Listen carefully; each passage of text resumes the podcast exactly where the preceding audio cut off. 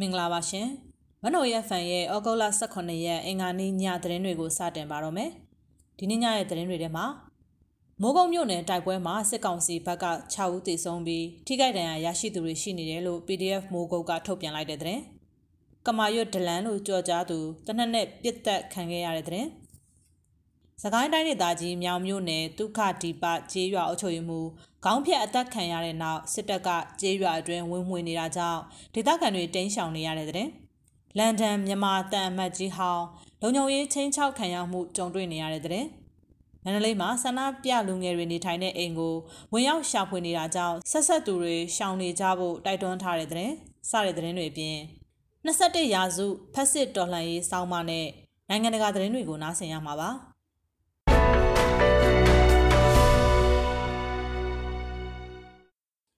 မိုးကုံမြို့နယ်ဟိုဝိတ်ရွာအနီးပလောင်ကျောင်းကန်းကျေးရွာအထက်ပိုင်းမှာကချင်လွတ်မြောက်ရေးတပ်မတော် KIA နဲ့ပြည်သူ့ကာကွယ်ရေးတပ်ဖွဲ့မိုးကုတ်တို့ရဲ့ပူးပေါင်းအဖွဲ့တွေနဲ့စစ်ကောင်စီဘက်က6ဦးသေဆုံးကထိခိုက်ဒဏ်ရာရရှိသူတွေရှိနေတယ်လို့ PDF မိုးကုတ်ကဩဂုတ်လ16ရက်နေ့ကထုတ်ပြန်ပါတယ်။ ဩဂုတ်လ16ရက်နေ့မနက်7:00နာရီမိနစ်30အချိန်မှာမိုးကုတ်မြို့နယ်အတွင်းတပိတ်တွေကိုဖြိုခွင်းခဲ့တဲ့ခလာရ148တရင်ကအင်အား26ဦးအထက်ရှိတဲ့စစ်ကောင်စီတပ်တွေထိုးစစ်ဆင်လာတာကြောင့် KIA နဲ့ပူးပေါင်းအဖွဲ့ PDF မိုးကုတ်တို့ဟာမလွဲမရှောင်သာတိုက်ပွဲဖြစ်ပွားခဲ့တယ်လို့ဆိုပါတယ်။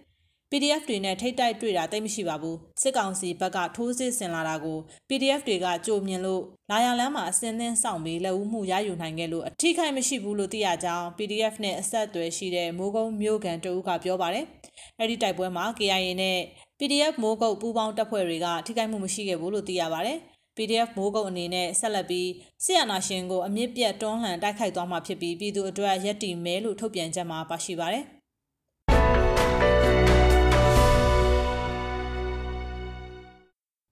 ကမာရွတ်မြို့နယ်မှာဒလန်တင်လှလို့လူသိများသူတူဟာ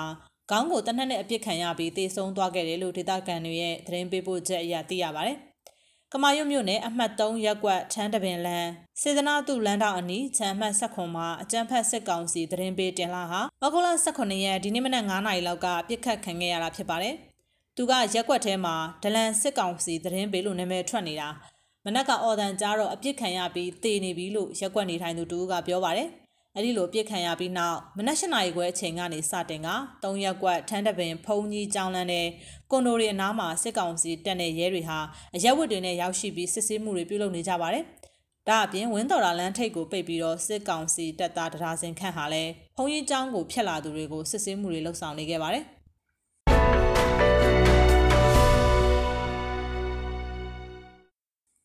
လန်ဒန်မြို့မြန်မာတန်အမတ်ကြီးဟောင်းဦးကျော်စွာမင်းဟာလုံခြုံရေးအရာချင်းချောက်မှုတွေနဲ့ကြုံနေရတာကြောင့်လန်ဒန်မြို့ရဲတပ်ဖွဲ့နဲ့ဗြိတိရှနိုင်ငံသားရေးဒနတဟာရနဲ့ဖွံ့ဖြိုးရေးရုံးကိုတိုင်ကြားထားတယ်လို့မြန်မာ Accountability Project အဖွဲ့ဒါရိုက်တာ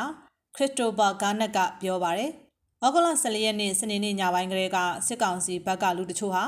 လန်ဒန်မြောက်ပိုင်းဦးကျော်စွာမင်းနေထိုင်တဲ့အိမ်ပြင်ဘက်မှာတွာလာနေတာချင်းချောက်စောင့်ကြည့်နေတဲ့အနေအထားတွေကိုတွေ့ရတယ်လို့ပြောပါတယ်။ ဒါကြောင့်ဦးကျော်စွာမင်းရဲ့လုံခြုံရေးအတွက်သက်ဆိုင်ရာအာဏာပိုင်တွေကိုအကြောင်းကြားထားတယ်လို့ဆိုပါတယ်။စစ်ကောင်စီဘက်ကလူတချို့ဟာဦးကျော်စွာမင်းကိုချင်းချောက်တယ်ဆိုတဲ့ဆွဆွဲချက်နဲ့ပတ်သက်လို့တော့စစ်ကောင်စီဘက်ကတစုံတရာတုံ့ပြန်ချက်မပေးပါဘူး။တန်မတ်ကြီးဟောင်းဦးကျော်စွာမင်းကိုတန်ယုံကပေးမဝင်ခဲ့တဲ့ဖြစ်ရဖြစ်ပြီးနောက်ပိုင်းမှာမြန်မာစစ်ကောင်စီဘက်ကတန်အမတ်တူခန့်ထားလိုက်သလိုဒါကိုပြည်ထိုင်ဆိုရကလည်းအတိအမှတ်ပြုလိုက်ပြီးဖြစ်ပါတယ်။ ဒါပေမဲ့လည်းဦးကျော်စွာမင်းဟာမြန်မာတန်အမတ်ကြီးနေမှာပဲဆက်ရှိနေပြီးအိမ်ကိုဖယ်ပေးဖို့စစ်ကောင်စီဘက်ကဖိအားပေးမှုတွေရှိနေတာပါ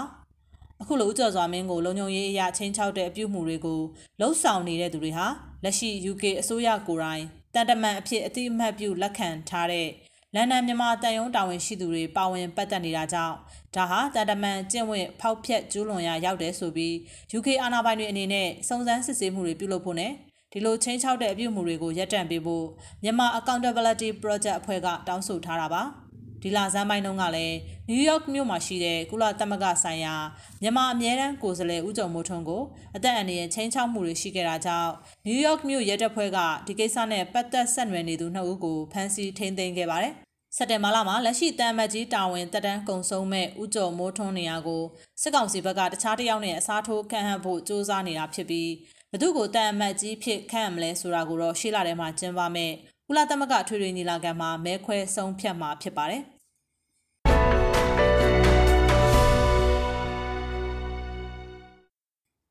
စကိုင်းတိုင်းဒေသကြီးမြောင်မြို့နယ်ဒုက္ခဒီပကြီးရွာဒေသအခေါ်တထေးကုန်းကြီးရွာမှာစစ်ကောင်စီခန့်အုပ်ချုပ်ရေးမှူးဦးအောင်မြင့်စိန်ဟာအောက်တိုဘာ16ရက်နေ့ညပိုင်းမှာခေါင်းဖြတ်အသက်ခံလိုက်ရပါတယ်။အဲဒီလိုဖြစ်ပွားပြီး စစ်ကောင်စီတပ်ဖွဲ့ဝင်တွေကရောက်ရှိလာကဝင်ရောက်မှွေနှောက်ရှာဖွေနေတဲ့အတွက်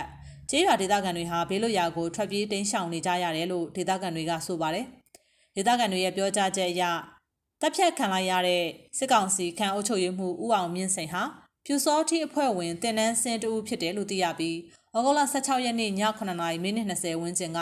သူ့ရဲ့နေမှာခေါင်းဖြတ်တက်ခံလိုက်ရတာဖြစ်ပါတယ်။ဒုက္ခဒီပကျေးရွာအနီးမှာရှိတဲ့ကြောက်ရစ်ကျေးရွာဒေသခံတို့ကတော့ တက်တော်ခေါင်းဖြတ်တက်သွားတာတက်ပြီးတော့အော်ရဲသူ2ယောက်3ယောက်လည်းအပြစ်ခံလိုက်ရတယ်လို့သိရကြောင်းမြစီမကိုပြောပါတယ်။အဲ့ဒီလိုဒုက္ခဒီပကျေးရွာအုပ်ချုပ်ရေးမှူးအသက်ခံရပြီးနောက်ဩဂုတ်လ18ရက်နေ့မနက်10:00နာရီကျော်လောက်ကကျေးရွာကိုစစ်ကောင်စီတပ်ဖွဲ့ဝင်တွေဟာစစ်ကား3စီးနဲ့ရောက်ရှိလာပြီးနေတွေကိုဝင်ရောက်ရှာဖွေဖမ်းဆီးတာတွေပြုလုပ်ခဲ့ကြပါတယ်။ဒုက္ခဒီပကျေးရွာသားဒေသခံ3ဦးကိုအာနာသိန်းစစ်ကောင်စီတပ်ဖွဲ့ဝင်တွေကဖမ်းဆီးခေါ်ဆောင်သွားခဲ့တယ်လို့မျက်မြင်ဒေသခံတအူးကမြစည်းမကိုပြောပါတယ်။ စစ်ကား3စီးရောက်နေလို့တရွာလုံးရှောင်နေရတယ်3ယောက်ပါသွားတယ်။ဝင်မှွေမဲကြားလို့အကုန်လုံးရှောင်နေကြရတာဒုက္ခဒီပကလူမရှိတဲ့အိမ်တွေကိုတော့ဝင်မှွေနေတယ်လို့ဒေသခံတအူးကပြောပါတယ်။စစ်ကောင်စီတပ်ဖွဲ့ဝင်တွေရောက်ရှိနေတဲ့အတွက်ဒုက္ခဒီပကြေးရွာနဲ့မြစ်တာကြေးရွာကဒေသခံအများပြားဟာဘေးလွတ်ရာကိုထွက်ပြေးတိမ်းရှောင်နေကြရတယ်လို့သိရပါဗျ။အဆိုပါဒုက္ခဒီပကြေးရွာအုပ်ချုပ်ရေးမှူးကိုခေါင်းဖြတ်တက်ဖြတ်ခဲ့ကြောင်းမြင်းကျန်နှလုံးလှလူမိုက်ကြီးများအဖွဲ့ကဩဂုတ်လ16ရက်နေ့ညပိုင်းမှာထုတ်ပြန်ခဲ့ပါတယ်။။ သကိုင်းတိုင်းမြောင်မြို့နယ်တထေးကုန်းကျေးရွာကစစ်ကောင်စီခန့်အုပ်ကြီးအောင်မြင့်စိန်ဆိုသူကိုနောက်တက်လာမဲ့ဥက္ကဋ္ဌတွေစံနမူနာယူနိုင်ဖို့အတွက်ခေါင်းကိုဖျက်ပြီးဘောလုံးကန်ခဲ့တယ်လို့မြင်းကြံနှလုံးလှလူမိုက်ကြီးများအဖွဲ့ကထုတ်ပြန်ထားတာဖြစ်ပါတယ်။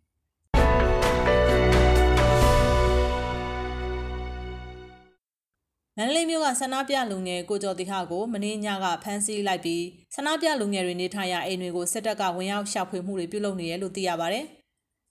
ကိုကျော်တီခါနဲ့ဆက်ဆက်နေတဲ့တချို့ကိုဇက်တိုက်ဝင်ရောက်ရှာဖွေနေတာဖြစ်ပြီးနေဆက်သူတွေရှောင်ရှားကြဖို့တပိတ်မှာပါဝင်သူတွေကဆိုပါတယ်မန္တလေးမြို့မှာလူငယ်တွေကိုစစ်တပ်ကဖမ်းဆီးမှုတွေစတိုက်လုပ်နေပြီးတော့မင်းညကတနက်ပြက်ခတ်တန်တချို့ကြားခဲ့ရကြောင်းမြို့ကန်တွေကပြောပါတယ်မနက်၄နာရီကနေ9နာရီအထိညနေ3နာရီခွဲကနေ6နာရီခွဲအထိသာအပြင်ထွက်ခွင့်ပြုထားတဲ့မန္တလေးမြို့မှာစစ်တပ်ကအရက်ဝစ်အင်စီကားတွေယူနီဖောင်းဝစ်စစ်ကားတွေနဲ့ပါလက်နက်အပြည့်အစုံနဲ့လှည့်လည်နေတာဖြစ်ပါတယ်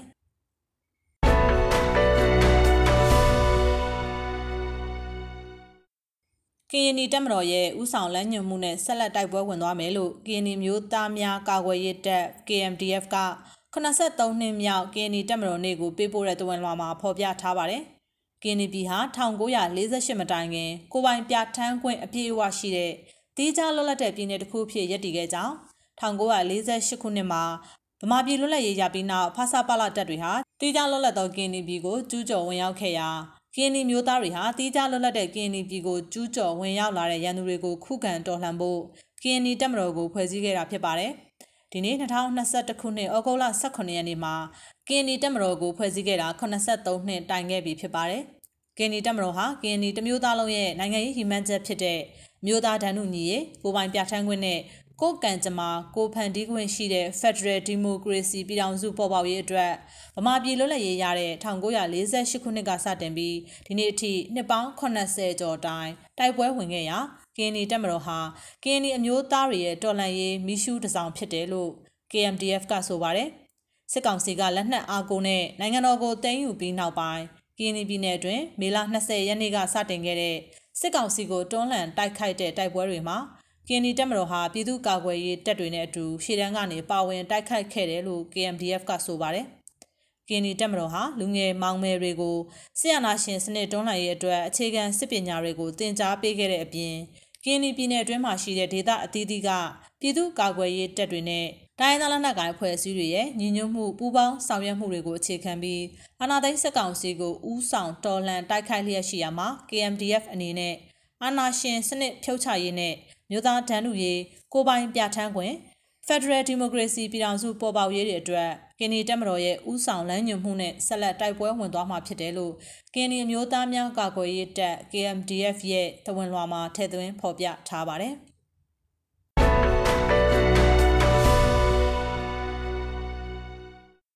ရှမ်းပြည်နယ်ညောင်ရွှေမြို့နယ်မြို့မရဲစခန်းမှာတာဝန်ထမ်းဆောင်နေတဲ့ရဲတပ်သားတဦးဟာ အင်းမျိုးသားကာကွယ်ရေးတပ်ဖွဲ့ INDF နဲ့လာရောက်ပူးပေါင်းခဲ့ကြောင်းအင်းမျိုးသားကာကွယ်ရေးတပ်ဖွဲ့ကဩဂုတ်လ18ရက်နေ့မှာထုတ်ပြန်ထားပါတယ်။ဆိုပါရဲတပ်ဖွဲ့ဝင်ဟာစစ်တပ်ကအာဏာသိမ်းပြီးနောက်စစ်ကောင်စီလက်အောက်ခံရဲတပ်ဖွဲ့မှတာဝန်မထမ်းဆောင်လိုတာကြောင့်အကြမ်းမဖက်အာဏာဖီဆန်ရေးလှုပ်ရှားမှု CDN ပြုလုပ်ခဲ့ပြီး IMDF နဲ့လာရောက်ပူးပေါင်းခဲ့တာဖြစ်တယ်လို့ IMDF ကထုတ်ပြန်ပါတယ်။အင်းမျိုးသားကာကွယ်ရေးတပ်ဖွဲ့ဟာနိုင်ငံတော်အာဏာကိုစစ်ကောင်စီကအကြမ်းဖက်သိမ်းယူခဲ့တဲ့နောက်ပိုင်းကစပြီး အင်းလေးဒေသအတွင်းမှာရှိတဲ့အင်းမျိုးသားတရက်လုံးကိုကာကွယ်စောင့်ရှောက်ဖို့ဖွဲ့စည်းခဲ့တဲ့အဖွဲ့အစည်းတစ်ခုဖြစ်တယ်လို့သိရပါတယ်။ဒါ့အပြင် IMDF အနေနဲ့ NUG, CRPH နဲ့ဆရာနာရှင်ကိုတော်လှန်နေတဲ့တခြားလက်နက်ကင်တော်လှန်ရေးအဖွဲ့အစည်းတွေနဲ့ချိတ်ဆက်ပြီးဟန်ချက်ညီတဲ့နိုင်ငံရေးစစ်ပွဲတွေကိုဖော်ဆောင်သွားမယ်လို့လည်းကြေညာထားပါတယ်။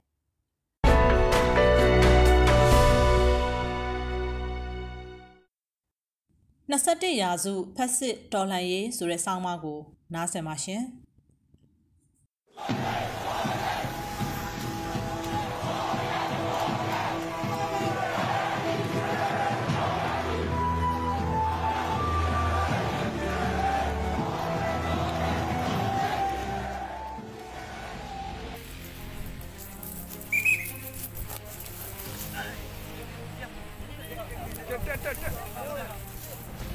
နိုင်ငံအနှံ့အပြားမှာဒေသအလိုက်ရရလက်နက်နဲ့တိုက်ခိုက်နေကြတဲ့ပြည်သူ့ကာကွယ်ရေးတပ်ဖွဲ့တွေကို NUG အမျိုးသားညီညွတ်ရေးအစိုးရကဆက်သွယ်ကူညီပေးနေတယ်လို့ NUG အစိုးရကိုယ်တိုင်ကလည်းပြည်သူ့ကာကွယ်ရေးတပ်မတော်ကိုဖွဲ့စည်းပြင်ဆင်နေပါတယ်။တပြည်လုံးအနှံ့စတင်တိုက်ခိုက်မဲ့နေ့ရက်ကို NUG ကထုတ်ပြန်ကြေညာခြင်းမရှိသေးပေမဲ့မကြာမီစတင်တော့မယ်ဆိုတဲ့သတင်းတွေထွက်ပေါ်နေပါတယ်။ အာဏာသိမ်းလို့ငြိမ်းချမ်းစွာဆန္ဒပြသူတွေကိုစစ်တပ်ကရဲရဲဆက်ဆက်ဖြိုခွင်းမှုတွေလုပ်ခဲ့ပါတယ်။အကြောင်းမဲ့အိမ်ထဲဝင်ပစ်တာတွေအပြစ်မဲ့အရွယ်မရောက်သေးတဲ့ကလေးတွေကိုတပ်ဖြတ်တာတွေပြည်သူတွေပိုင်ဆိုင်တဲ့ဥစ္စာပစ္စည်းငွေကြေးအစားအသောက်တွေကိုလက်နက်ကရန်ကာလူရက်တာတွေကိုမြို့ကြီးပြကြီးတွေမှာပြောင်ပြောင်တင်းတင်းလုပ်ခဲ့တာကိုပြည်သူတွေခါးသီးစွာကြုံတွေ့ခဲ့ရပါတယ်။ ရန်ကုန်လိုမြို့ကြီးတွေမှာတောင်ပတ်စံလူရတာငွေညစ်တာတွေကိုစစ်တပ်လို့မခေါ်ထိုက်အောင်ပြုမှုခဲ့ကြပါတယ်လက်နက်မဲ့ပြည်သူတွေကိုမိုက်တဲ့ကောင်ထွက်ခဲ့တည်ရဲတဲ့ကောင်ထွက်ခဲ့လို့ဆဲရီတိုင်းတွာပြီးစိန်ခေါ်ခဲ့ပါတယ်နောက်ပြီးဖမ်းကျင်တဲ့လူမတွေ့လို့အိမ်ကရှိတဲ့မိဘညီကိုမောင်နှမတွေကိုနှိပ်စက်ဖမ်းဆီးခဲ့တာဟာလေပြည်သူတွေအဖို့နာကြီးစရာတွေဖြစ်ပါတယ်။ ဒီလိုအပြုအမူတွေဟာရုပ်ရင်းကြမ်းတမ်းတဲ့ဖက်စစ်အပြုအမူတွေဖြစ်တယ်လို့ပြည်သူတွေကပြောဆိုကြပါတယ်။ဒီလိုဖက်စစ်အပြုအမူတွေနဲ့အကြမ်းဖက်စစ်ကောင်စီရဲ့ဖိနှိပ်မှုတွေကိုမခံနိုင်လို့ဒေသအသီးသီးမှာမိမိအစီအစဉ်နဲ့ပြည်သူ့ကာကွယ်ရေးတပ်တွေကိုရရလက်နက်တွေနဲ့ဖွဲ့စည်းခဲ့ကြတာဖြစ်ပါတယ်။ငိမ့်ချမ်းစွာဆန္ဒပြနေတဲ့ပြည်သူတွေကိုပြစ်ခတ်ဖမ်းဆီးလို့ပထမဆုံးလက်နက်နဲ့တုံ့ပြန်ခဲ့တာကတော့ချင်းပြည်နယ်ကမင်းတပ်မြို့မှာဖြစ်ပါတယ်။ ချင်းပြည်နယ်မင်းတပ်မြို့မှာဧပြီလ24ရက်ကစစ်အာဏာရှင်ဆန့်ကျင်ရေးဆန္ဒပြသူတွေဖမ်းဆီးခံခဲ့ရကဒေသခံတွေနဲ့အခြေအနေဖြစ်ပွားပြီးနောက်လက်နက်ကင်တိုက်ပွဲတွေဖြစ်ပွားလာတဲ့အထိရောက်ရှိခဲ့တာဖြစ်ပါတယ်။ဒေသခံတွေကအမဲလိုက်ရမှာတုံးတဲ့ပထမကဘာစစ်3ခေတ်လောက်ကအသုံးပြုခဲ့တဲ့တူးမီတနက်နဲ့စစ်အာဏာရှင်ကိုတော်လှန်ခဲ့တာဖြစ်ပါတယ်။ စစ်ကောင်စီကမင်းတပ်မြို့ကိုစစ်အုပ်ချုပ်ရေးကြီးညာခဲ့ပြီးနောက်အင်အားအလုံးရင်းနဲ့ဒေသခံပြည်သူ့ကာကွယ်ရေးတပ်ဖွဲ့ကိုအပြင်းထန်ဖြိုခွင်းဖို့ကြိုးပမ်းခဲ့ပါတယ်။ဒေသခံတူမီကန်ပြည်သူတွေဟာလက်နက်ချင်းမရှင်းနိုင်ပေမဲ့စိတ်သက်ပိုင်းဆိုင်ရာမှာစစ်ကောင်စီအကြမ်းဖက်တပ်တွေထက်အဆအဆအရာရာတာလွန်ခဲ့တာမို့အကြမ်းဖက်တပ်တွေအထိနာခဲ့ရပါတယ်။ မင်းတပ်ဒေသခံအုပ်ချုပ်ရေးအဖွဲ့တွေနဲ့အပြည့်ရဖို့နှစ်ကြိမ်တိုင်းဆွေးနွေးညှိခဲ့ရတဲ့အထိမင်းတပ်ပြည်သူတွေရဲ့တက်တီစွမ်းရည်တွေကပြောင်မြောက်ခဲ့ပါတယ်။ဒေသခံ CDF မင်းတပ်နဲ့စစ်ကောင်စီတပ်တို့အကြားဧပြီလကုန်ပိုင်းကနေဇွန်လဆန်းအထိတလခွဲကျော်ကာလအတွင်းတိုက်ပွဲပေါင်းအကြိမ်20ကျော်ဖြစ်ပွားခဲ့ပါတယ်။ ဒေသခံ CDF အဖွဲ့ဝင်တွေက ရိုးရာလက်လုံတူမီတနက်တွေကိုသာ အားကိုးအားထားပြုပြီး စစ်ကောင်စီတပ်ကို ခုခံတော်လှန်တာဖြစ်ပါတယ်။တိုက်ပွဲတွေအတွင်း စစ်ကောင်စီတပ်ဖွဲ့ဝင်200ခန့်ကိုတုတ်တင်နိုင်ခဲ့ပြီး CDF တပ်ဖွဲ့ဝင်24ဦးကြာဆုံးခဲ့တယ်လို့လည်း CDF က သတင်းထုတ်ပြန်ထားပါတယ်။ မင်းတပ်မြို့ရဲ့အာနာရှင်တော်လန်ရေးဟာတခြားပြည်နယ်နဲ့တိုင်းတွေအထိပြန့်နှံ့ခဲ့ပြီးစကိုင်းတိုင်းတွေကကလေးတမူမင်းကင်းကနီရွှေဘိုရင်းမာပင်ချောင်းဦးစတဲ့နေတွေမှာပါအကြမ်းဖက်ဆရာနာရှင်ရဲ့ဖိနှိပ်မှုကိုတူမီတနက်တွေလောက်ကတော်လှန်ကြပါတော့တယ်နိုင်ငံတော်အတွက်ဆို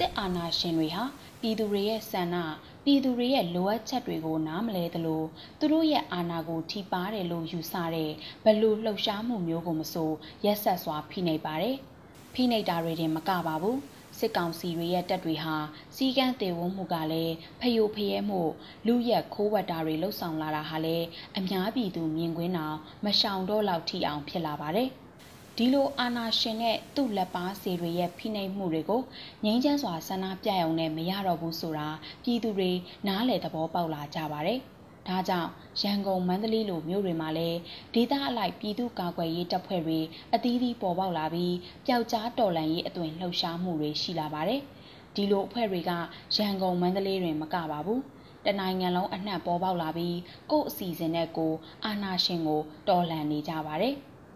ဒီလိုရရလက်နက်နဲ့တော်လန်ရမှာစခန်းသိမ်းနိုင်တဲ့အထိပြောင်မြောက်လှတဲ့ကရားပြည်နယ်ကပြည်သူ့ကာကွယ်ရေးအဖွဲ့တွေဟာလည်းပြည်သူအားကျခဲ့ရပြီးတနိုင်ငံလုံးရဲ့တခဲနဲ့အားပေးမှုကိုရခဲ့ပါတယ်။ ဒီလိုပြည်သူတွေကမိမိရဲ့ရွာဒေသလုံခြုံမှုစစ်အာဏာရှင်အကြမ်းဖက်သမားတွေရဲ့ဖိနှိပ်မခံရဖို့ပြည်သူ့ကာကွယ်ရေးတပ်ဖွဲ့တွေဖွဲ့စည်းနေသလိုအမျိုးသားညီညွတ်ရေးအစိုးရ NUG ကလည်း Federal တပ်မတော်ရှေ့ပြေးအဖြစ်ပြည်သူ့တပ်မတော် People Defense Force ကိုဖွဲ့စည်းဖို့ပြင်ဆင်နေပါတယ်။ဒီပြည်သူ့တပ်မတော်ကိုကာကွယ်ရေးဆိုင်ရာမူဝါဒနဲ့အညီဖွဲ့စည်းလိုက်တယ်လို့အမျိုးသားညီညွတ်ရေးအစိုးရ NUG ကမေလ9ရက်နေ့ကထုတ်ပြန်ခဲ့ပါတယ်။ ဒီထုတ်ပြန်ချက်မှာအကြမ်းဖက်စစ်ကောင်စီဟာတရားဝင်ပြည်သူအစိုးရထံကနေနိုင်ငံတော်အာဏာကိုအတ္တမလူရခါအစိုးရခေါင်းဆောင်တွေကိုဖမ်းဆီးထိန်သိမ်းထားပြီးပြည်သူတွေကိုနှိပ်စက်တပ်ဖြတ်ခြင်းဖမ်းဆီးခြင်းစတဲ့စစ်ရာဇဝတ်မှုတွေကျူးလွန်နေပြီး Federal Democracy ပြည်ထောင်စုတည်ထောင်ရေးကိုလည်းအဟံအတားပြုလုပ်လျက်ရှိတယ်လို့ဆိုထားပါတယ်။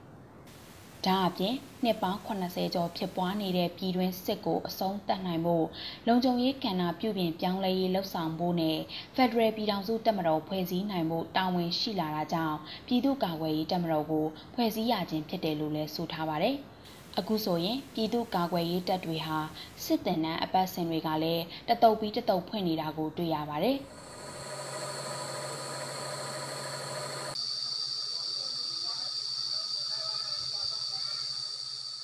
င့်ကြည့်လေးလာချက်တွေအရဇူလိုင်လအတွင်းမှာစစ်ကောင်စီကဖမ်းဆီးတပ်ပြတ်တာတွေရှိနေပေမဲ့မန္တလေးမှာတပိတ်ပေါင်းစုံရဲ့စစ်အာဏာရှင်စန့်ကျင်ဆန္ဒပြမှုတွေကအရှိန်အဟုန်နဲ့ရှိနေစေဖြစ်ပါတယ်။ PDF တွေအားကောင်းတဲ့စကိုင်းမှာဆန္ဒပြမှုတွေရှိနေသလိုစစ်ကောင်စီတပ်တွေနဲ့ပြည်သူ့ကာကွယ်ရေးတပ်တွေကလည်းတိုက်ပွဲတွေဇက်တိုက်ဆိုသလိုရှိနေပါတယ်။ ချင်းပြည်နယ်နဲ့ကယားပြည်နယ်တွေမှာတော့စစ်ကောင်စီအကြမ်းဖက်တွေနဲ့ပြည်သူ့ကာကွယ်ရေးတပ်တွေထိတွေ့တိုက်ပွဲတွေရှိနေတာပါ။ကရင်ပြည်နယ်မှာလည်း KNU နဲ့ထိတွေ့တိုက်ပွဲတွေကလည်းရှိနေသေးဖြစ်ပါတယ်။ကြံပြည်နယ်နဲ့တိုင်းတွေမှာဆန္ဒပြမှုတွေနှဲပါပေမဲ့မြို့ပြပျောက်ကြားတော်လန်ရေးနဲ့တော်လန်ရေးအတွက်စူးညောင်းဖြစ်တဲ့အကြမ်းဖက်တောက်တိုင်းဒလန်ရှင်းလင်းတာတွေရှိနေတာကိုလည်းလေ့လာချက်တွေအရတွေ့ရှိရပါတယ်။။ တမိုင်းကြောင်းတွေအရတော့မြန်မာနိုင်ငံဟာအကြမ်းဖက်ဖက်စစ်စနစ်အောက်ကြာရောက်ခဲ့ပါတယ်။ပြည်သူလူထုဟာဖက်စစ်တွေရဲ့နှိပ်စက်မှုကိုလူးနေအောင်ခံခဲ့ရပါတယ်။လွတ်လပ်ရေးကလည်းရွှေစိန်လွတ်လပ်ရေးပဲရခဲ့တာပါ။ဒါကြောင့်မခံနိုင်တဲ့အဆုံးမှာ1945မတ်လမှာဖက်စစ်ကိုတော်လှန်ခဲ့ကြပါတယ်။ဒီတော်လှန်ရေးမှာ ဗိုလ်ချုပ်အောင်ဆန်းဦးဆောင်မှုနဲ့ BIA တပ်ပါသလိုပြည်သူတွေကလည်းလှဲနေလေအောင်မြင်းဆောင်မကြံပါဝင်ပြီးမဟာမိတ်တပ်တွေနဲ့အတူဖက်စစ်တွေကိုညီညီညွတ်ညွတ်တိုက်ထုတ်ခဲ့ကြလို့အောင်မြင်မှုရခဲ့ပါတယ်။အခုပြည်သူတွေကိုဖိနှိပ်မှုတွေလုပ်နေတဲ့21ရာစုအကြမ်းဖက်ဖက်စစ်တပ်တွေကိုလည်းညီညီညွတ်ညွတ်တိုက်ထုတ်နိုင်ရင်အောင်မြင်နိုင်မှာဖြစ်ပါတယ်။ဒီလိုတိုက်ဖို့ဆိုရင်အားလုံးစူးစီးမှုနဲ့လှုံ့ဆော်ရမှာဖြစ်ပါတယ်။။ ဩဂုတ်လ2ရက်မှာတော့မြန်မာနိုင်ငံမြို့အနှံ့ပြားကမြို့ပြပျောက်ကြားအဖွဲ့တွေပူးပေါင်းပြီးမြန်မာအမျိုးသားကာကွယ်ရေးတပ်မတော် MNDF ကိုဖွဲ့စည်းလိုက်တယ်လို့ထုတ်ပြန်ထားပါတယ်။အားလုံးသောဒေတာဆိုင်ရာပြည်သူ့ကာကွယ်ရေးတပ်ဖွဲ့တွေကတော့ NUG ကအစိုးရကြီးညာမဲ့ဒီဒေးခေါ်တပြည်လုံးတော်လှန်ရေးစတင်မဲ့နေ့ရက်ကိုစောင့်ဆိုင်နေကြပြီးဖြစ်ပါတယ်။အန်ယူဂျီရဲ့ကာကွယ်ရေးဝန်ကြီးဦးရင်မွန်ကတော့ပြည်သူတွေမျှော်လင့်နေတဲ့ဒီဒေးဆိုတာ စစ်အာဏာအုပ်စိုးမှုကိုစန့်ကျင်တိုက်ဖြတ်ဖို့တပြည်လုံးတပြိုင်နက်တည်းနီလန်းစုံနဲ့ဗျူဟာမြောက်ဆင်နွှဲတဲ့လှုပ်ရှားမှုလို့နားလည်ထားပြီးတပ်ဖွဲ့စည်းမှုစစ်ဖက်ဆိုင်ရာယာဒူးတာဝန်ခန့်အပ်မှုလက်နက်တပ်ဆင်မှုကိုအရှိန်မြင့်ဆောင်ရွက်နေပြီလို့ပြောဆိုထားပါတယ်။အခုဆိုရင်မြေပြင်ကအစုအဖွဲ့အများစုကိုတော့ချိတ်ဆက်စူးစီးနိုင်ခဲ့ပြီး chain of command တိစောင့်နေတယ်လို့ဆိုပါတယ်။အဆက်အသွယ်မရသေးသူတချို့ ကို့အစီအစဉ်နဲ့ကိုတီးကြရက်တီလိုသူတချို့လည်းရှိနေသေးတာကြောင့် chain of command တိစောင့်နိုင်မှတော်လန်ရေးအောင်မြင်အောင်ဆင်နွှဲနိုင်မှာဖြစ်တဲ့အတွက်အလံတော်တစ်ခုတည်းအောက်မှာအားလုံးစုဝေးကြဖို့တိုက်တွန်းကျင်တယ်လို့လည်းကာကွယ်ရေးဝန်ကြီးဦးရင်မွန်ကပြောဆိုထားပါတယ်။တော်လန်ရေးအောင်မြင်မှုဆိုရမှာအားလုံးစုစည်းနေဖို့လိုပါတယ်။ပြည်သူတွေရဲ့ပူးပေါင်းပါဝင်မှုကလည်းအရေးပါလာပါတယ်။လက်ရှိဖက်စစ်စစ်တပ်ကိုတော်လှန်နေတဲ့ပြည်သူ့ကာကွယ်ရေးတပ်ဖွဲ့တွေမှာကောင်းမွန်တဲ့လက်နက်တွေမရှိပါဘူး။ တိုက်ပွဲဖြစ်ရင်မိုးရွာလာရင်တနက်တွေကပြစ်မရလို့ပြည်သူတွေအနေနဲ့ကူညီပေးကြဖို့ပြည်သူ့ကာကွယ်ရေးတပ်ဖွဲ့ဝင်တွေကပြောဆိုထားပါတယ်။တော်လန်ရေးနယ်မြေတစ်ခုထဲမှာရောက်ရှိနေတဲ့အလှမယ်ထားထက်ထက်က စစ်အာဏာရှင်စန့်ကျင်တော်လှန်ရေးမှာပါဝင်လှုပ်ရှားနေကြတဲ့တော်လှန်ရေးရဲဘော်တွေအတွက်တစ်ဖက်တစ်လမ်းကအလူငွေတွေကောက်ခံပေးနေပြီးမကြခင်အရေးကြီးအခြေအနေတစ်ခုကိုဖျက်ဆီးရတော့မှာဖြစ်လို့သိရှိပြင်ဆင်လျက်ရှိနေတယ်လို့ဆိုထားပါတယ်။မြန်မာနိုင်ငံမှာနှစ်ပေါင်းများစွာအမြင့်တွယ်နေတဲ့စစ်အာဏာရှင်ဖက်စစ်တွေကိုမကြခင်မှာညီညီညွတ်ညွတ်နဲ့မောင်းထုတ်ကြတော့မှာဖြစ်ပါတယ်။ တော်လှန်ရေးအောင်မြင်ဖို့ရာအတွက်ပြည်သူတွေရဲ့ပါဝင်မှုဟာအရေးပါလာတာမို့21ရာစုအာဏာရှင်ဖက်စစ်အမြင့်ပြတ်မောင်းထုတ်ပွဲမှာပြည်သူတွေအနေနဲ့တက်နိုင်တဲ့နေရာကနေပါဝင်ပေးကြဖို့တိုက်တွန်းလိုက်ရပါတယ်။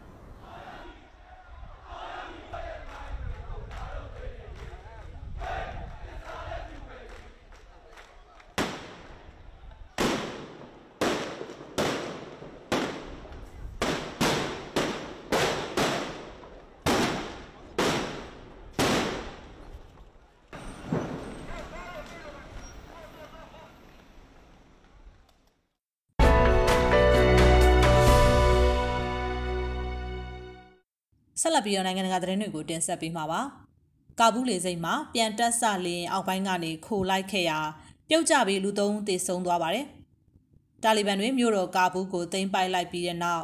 အရှိနာဂတ်အတွက်တေမတက်တောကများနေခဲ့ရတဲ့ဒေသခံတွေဟာထွက်ပြေးလွတ်မြောက်ရေးကိုအသေးအတန်စူးစမ်းကြတာကြောင့်ကာဘူးလေစိတ်ဟာဆိုရင်ထိမ့်မနိုင်သိမ့်မရအခြေအနေကိုထိတ်လန့်ခြောက်ခြားပွဲဖြစ်နေပြီလို့ BBC သတင်းကဖော်ပြပါတယ်။ပြန်တက်ဆလေရင်ဒဇင်းနောက်ကိုလူတွေ ပြေးလိုက်ကြပြီးတချို့ဟာလေရင်အောက်ပိုင်းကနေတွေ့ဖက်လိုက်ပါကြရမှာသုံးပြုတ်ကြတည်ဆုံးခဲ့တယ်လို့လည်းသတင်းတွေအရကြားသိရပါတယ်။ဒီလိုတော့တွင်မှာပဲလက်နက်ကင်ထားတဲ့လူနှစ်ဦးကိုစစ်သားတွေကပြစ်တက်ခဲ့ရတယ်လို့အမေရိကန်စစ်တပ်ကဆိုပါတယ်။လေရင်ပြည်လဲတွေကိုစစ်သားတွေကရှင်းလင်းဖို့အတွက်ကာဘူးလေသိက်ကိုအစောပိုင်းကပိတ်ထားခဲ့တာပါ။အခုချိန်မှာတော့အမေရိကန်ကန်တက်စစ်သားတွေတင်ဆောင်လာတဲ့လေရင်တစည်းပါဝင်အမေရိကန်စစ်လေရင်တွေဟာကာဘူးလေစိတ်စီကိုဆင်းသက်လာကြပါပြီ။ အာဖဂန်နစ္စတန်နိုင်ငံကနေကယ်ထုတ်ရေးလုပ်ငန်းစဉ်အတွက်ကန်တက်စစ်သားတွေရောက်ရှိလာကြတာဖြစ်ပြီးအမေရိကန်နဲ့တခြားနိုင်ငံတွေဟာသူတို့ရဲ့ဝန်ထမ်းတွေနဲ့မိဖက်တွေကိုအဲ့ဒီနိုင်ငံကနေတက်တုတ်ရိုက်ကယ်ထုတ်ဖို့လှုံ့ဆော်နေကြတာဖြစ်ပါတယ်။တနင်္လာနေ့ကလည်းဂျာမနီကယ်ဆယ်ရေးလေယာဉ်တစ်စင်းကာဘူးလေဆိပ်စီဆိုက်ရောက်တယ်လို့သတင်းရင်းမြစ်တွေကရိုက်တာသတင်းဌာနကိုပြောပါတယ်။အာဖဂန်သမ္မတအရှရတ်ဂါနီဟာပြည်ပကိုထွက်ပြေးသွားပြီး သူ့အစိုးရပြိုကွဲသွားပြီးနောက်မှာတာလီဘန်တွေဟာတနင်္ဂနွေနေ့မှာအောင်ပွဲကိုကြေညာခဲ့တာပါ။အမေရိကန်ဦးဆောင်တဲ့ညွန်ပေါင်းတပ်တွေတရှိခဲ့တဲ့20ကာလအဆုံးသတ်ချိန်မှာအာဖဂန်နိုင်ငံကိုတာလီဘန်တွေပြန်လည်အုပ်စိုးလာနေတော့တာဖြစ်ပါတယ်။လအတော်ကြာစတင်ခဲ့တဲ့တာလီဘန်တွေရဲ့ထိုးစစ်တွေမှာ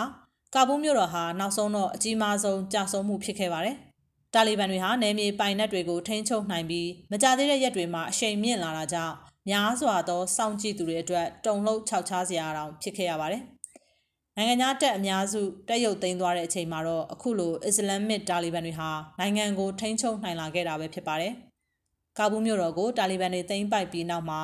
ပြည်သူများပြားဟာလေစိတ်စီကိုဥတီထွက်ပြေးခဲ့ကြပါတယ်။နိုင်ငံသားတွေနိုင်ငံသားအစိုးရနဲ့အဖွဲ့အစည်းတွေနဲ့ဆက်ဆက်တဲ့အာဖဂန်တချို့ကိုကယ်ထုတ်ပေးလျက်ရှိနေတာဖြစ်ပေမဲ့ ခီးသွားခွင့်ဗီဇာမရှိသူတွေတောင်လိုက်ပါခွင့်ရရှိနေတယ်ဆိုတော့ကောလာဟာလာတွေကြကြပြန့်ပြန့်ထွက်ပေါ်နေကြောင်းခီးသည်တွေကပြောပါတယ်လေစိတ်မှာလူအုပ်လိုက်ကြီးရောက်ရှိနေပြီးလေရင်နေစီအရောက်ပြေးကြဖို့လှုပ်ကြတဲ့လူတွေကိုအမေရိကန်တပ်ဖွဲ့ဝင်တွေကလေထဲတနက်တွေပစ်ဖောက်ပြီးလူစုကွဲအောင်လုပ်ခဲ့ကြရပါတယ်။အာဖဂန်မီဒီယာတွေကရရှိတဲ့ဗီဒီယိုတစ်ခုမှာပြေးလမ်းပေါ်စတင်မောင်းနှင်နေတဲ့လေရင်တစင်းပေလူတွေဟာတွယ်ဖက်လိုက်ပါကြတာကိုမြင်တွေ့ရပါတယ်။နောက်ထပ်ဗီဒီယိုတစ်ခုမှာတော့ ပြန်တက်နေတဲ့လေရင်ကနေလူတွေပြုတ်ကျလာတာကိုမြင်ရပါတယ်။ဘလို့ပဲသတိပေးတားမြစ်မရတဲ့အစုံလေရင်အားလုံးကိုဆိုင်းငံ့ထားခဲ့ရတယ်လို့နောက်ပိုင်းမှာပင်တဂွန်ပြောခွင့်ရသူတူကပြောပါတယ်။အဲ့ဒီစိုးရင်တော့ကများနေတဲ့လူအုပ်ကြီးကိုရှင်းလင်းဖို့အတွက်တူရကီရဲ့တခြားနိုင်ငံတကာတပ်တွေရဲ့နဲ့အတူအမေရိကန်တပ်ဖွဲ့ဝင်တွေအတူတွဲလုပ်နေရတယ်ဘလောက်အချိန်ယူရမလဲဆိုတာကျွန်တော်တို့လည်းမသိတော့ဘူးလို့ပြောခွင့်ရသူဂျွန်ကားဘီကပြောခဲ့ပါတယ်။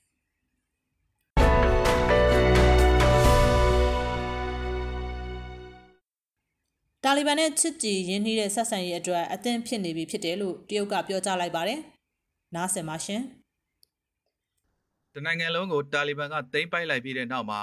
တရုတ်နိုင်ငံအနေနဲ့အာဖဂန်နစ္စတန်နဲ့ချစ်ကြည်ရင်းနှီးတဲ့ဆက်ဆံရေးပုံမနှက်ဆိုင်လာစေဖို့အသင့်ရှိကြောင်းတရုတ်ရဲ့ပြောခွင့်ရအမျိုးသမီးကဩဂုတ်လ16ရက်တနင်္လာနေ့ကပြောကြားလိုက်ပါတယ်။အာဖဂန်ကနေအမေရိကန်စုခွာခြင်းနဲ့အတူဘေကျင်းဟာတာလီဘန်နဲ့တရားမဝင်ဆက်ဆံရေးကိုဆက်လက်ထိန်းသိမ်းထားဖို့ကြိုးပမ်းခဲ့မှုကြောင့် အာဖဂန်တဝမ်းကအစ္စလာမစ်အစွန်းရောက်တွေကိုအားပေးရာရောက်ခဲ့ပြီးတနင်္ဂနွေနေ့ကမြို့တော်ကဘူးကိုပါသိမ်းပိုက်နိုင်စေခဲ့ပါတယ်။တရုတ်ဟာအာဖဂန်နစ္စတန်နဲ့နယ်နိမိတ်ချင်း86ကီလိုမီတာထိစပ်နေပြီး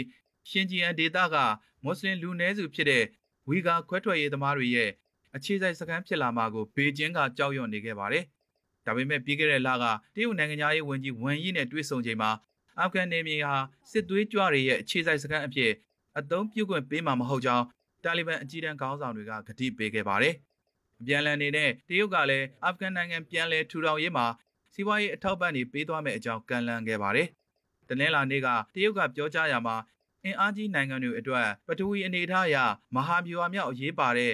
အာဖဂန်နဲ့နက်ရှိုင်းတဲ့ဆက်ဆံရေးအခွင့်အလမ်းကိုကြိုးစိုးကြောင်းပြောကြားခဲ့ပါတယ်။ တာလီဘန်ဟာတရုတ်နဲ့ကောင်းမွန်တဲ့ဆက်ဆံရေးဖွံ့ဖြိုးလာဖို့မျှော်လင့်ချက်ကိုအကြိမ်ကြိမ်ပြသခဲ့ပြီးတရုတ်ရဲ့အထောက်အပံ့နဲ့အာဖဂန်နိုင်ငံဖွံ့ဖြိုးမှုနဲ့ပြန်လည်ထူထောင်ရေးဆောင်ရွက်ဖို့ရည်ရွယ်ကြောင်းတရုတ်နိုင်ငံသားရေးဌာနပြောခွင့်ရအမျိုးသမီးဟွာချောင်ရင်ကသတင်းတောက်တွေကိုပြောကြားခဲ့ပါတယ်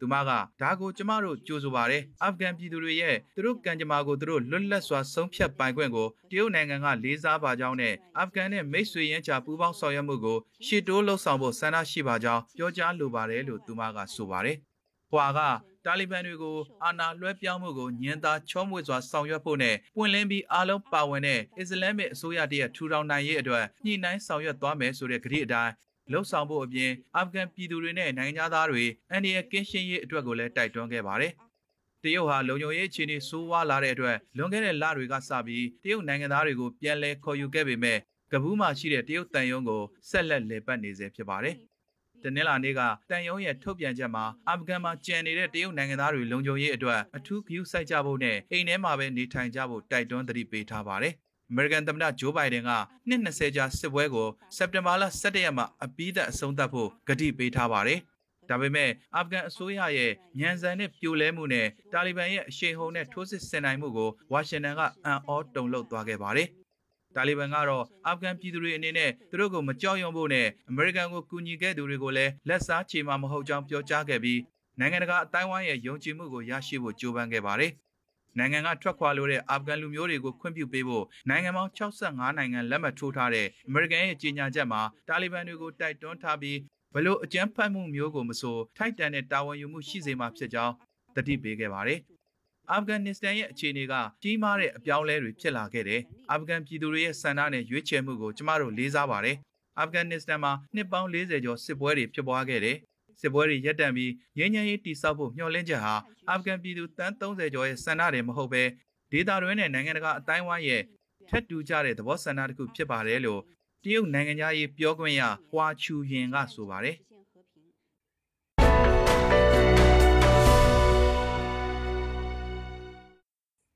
ဝန်တို့ရဖန်ရဲ့ဒီနေ့ညသတင်းတွေကတော့ဒီလောက်ပါပဲ။နားဆင်ကြကြသူတွေအားလုံးကျမ်းမာကြပါစေရှင်။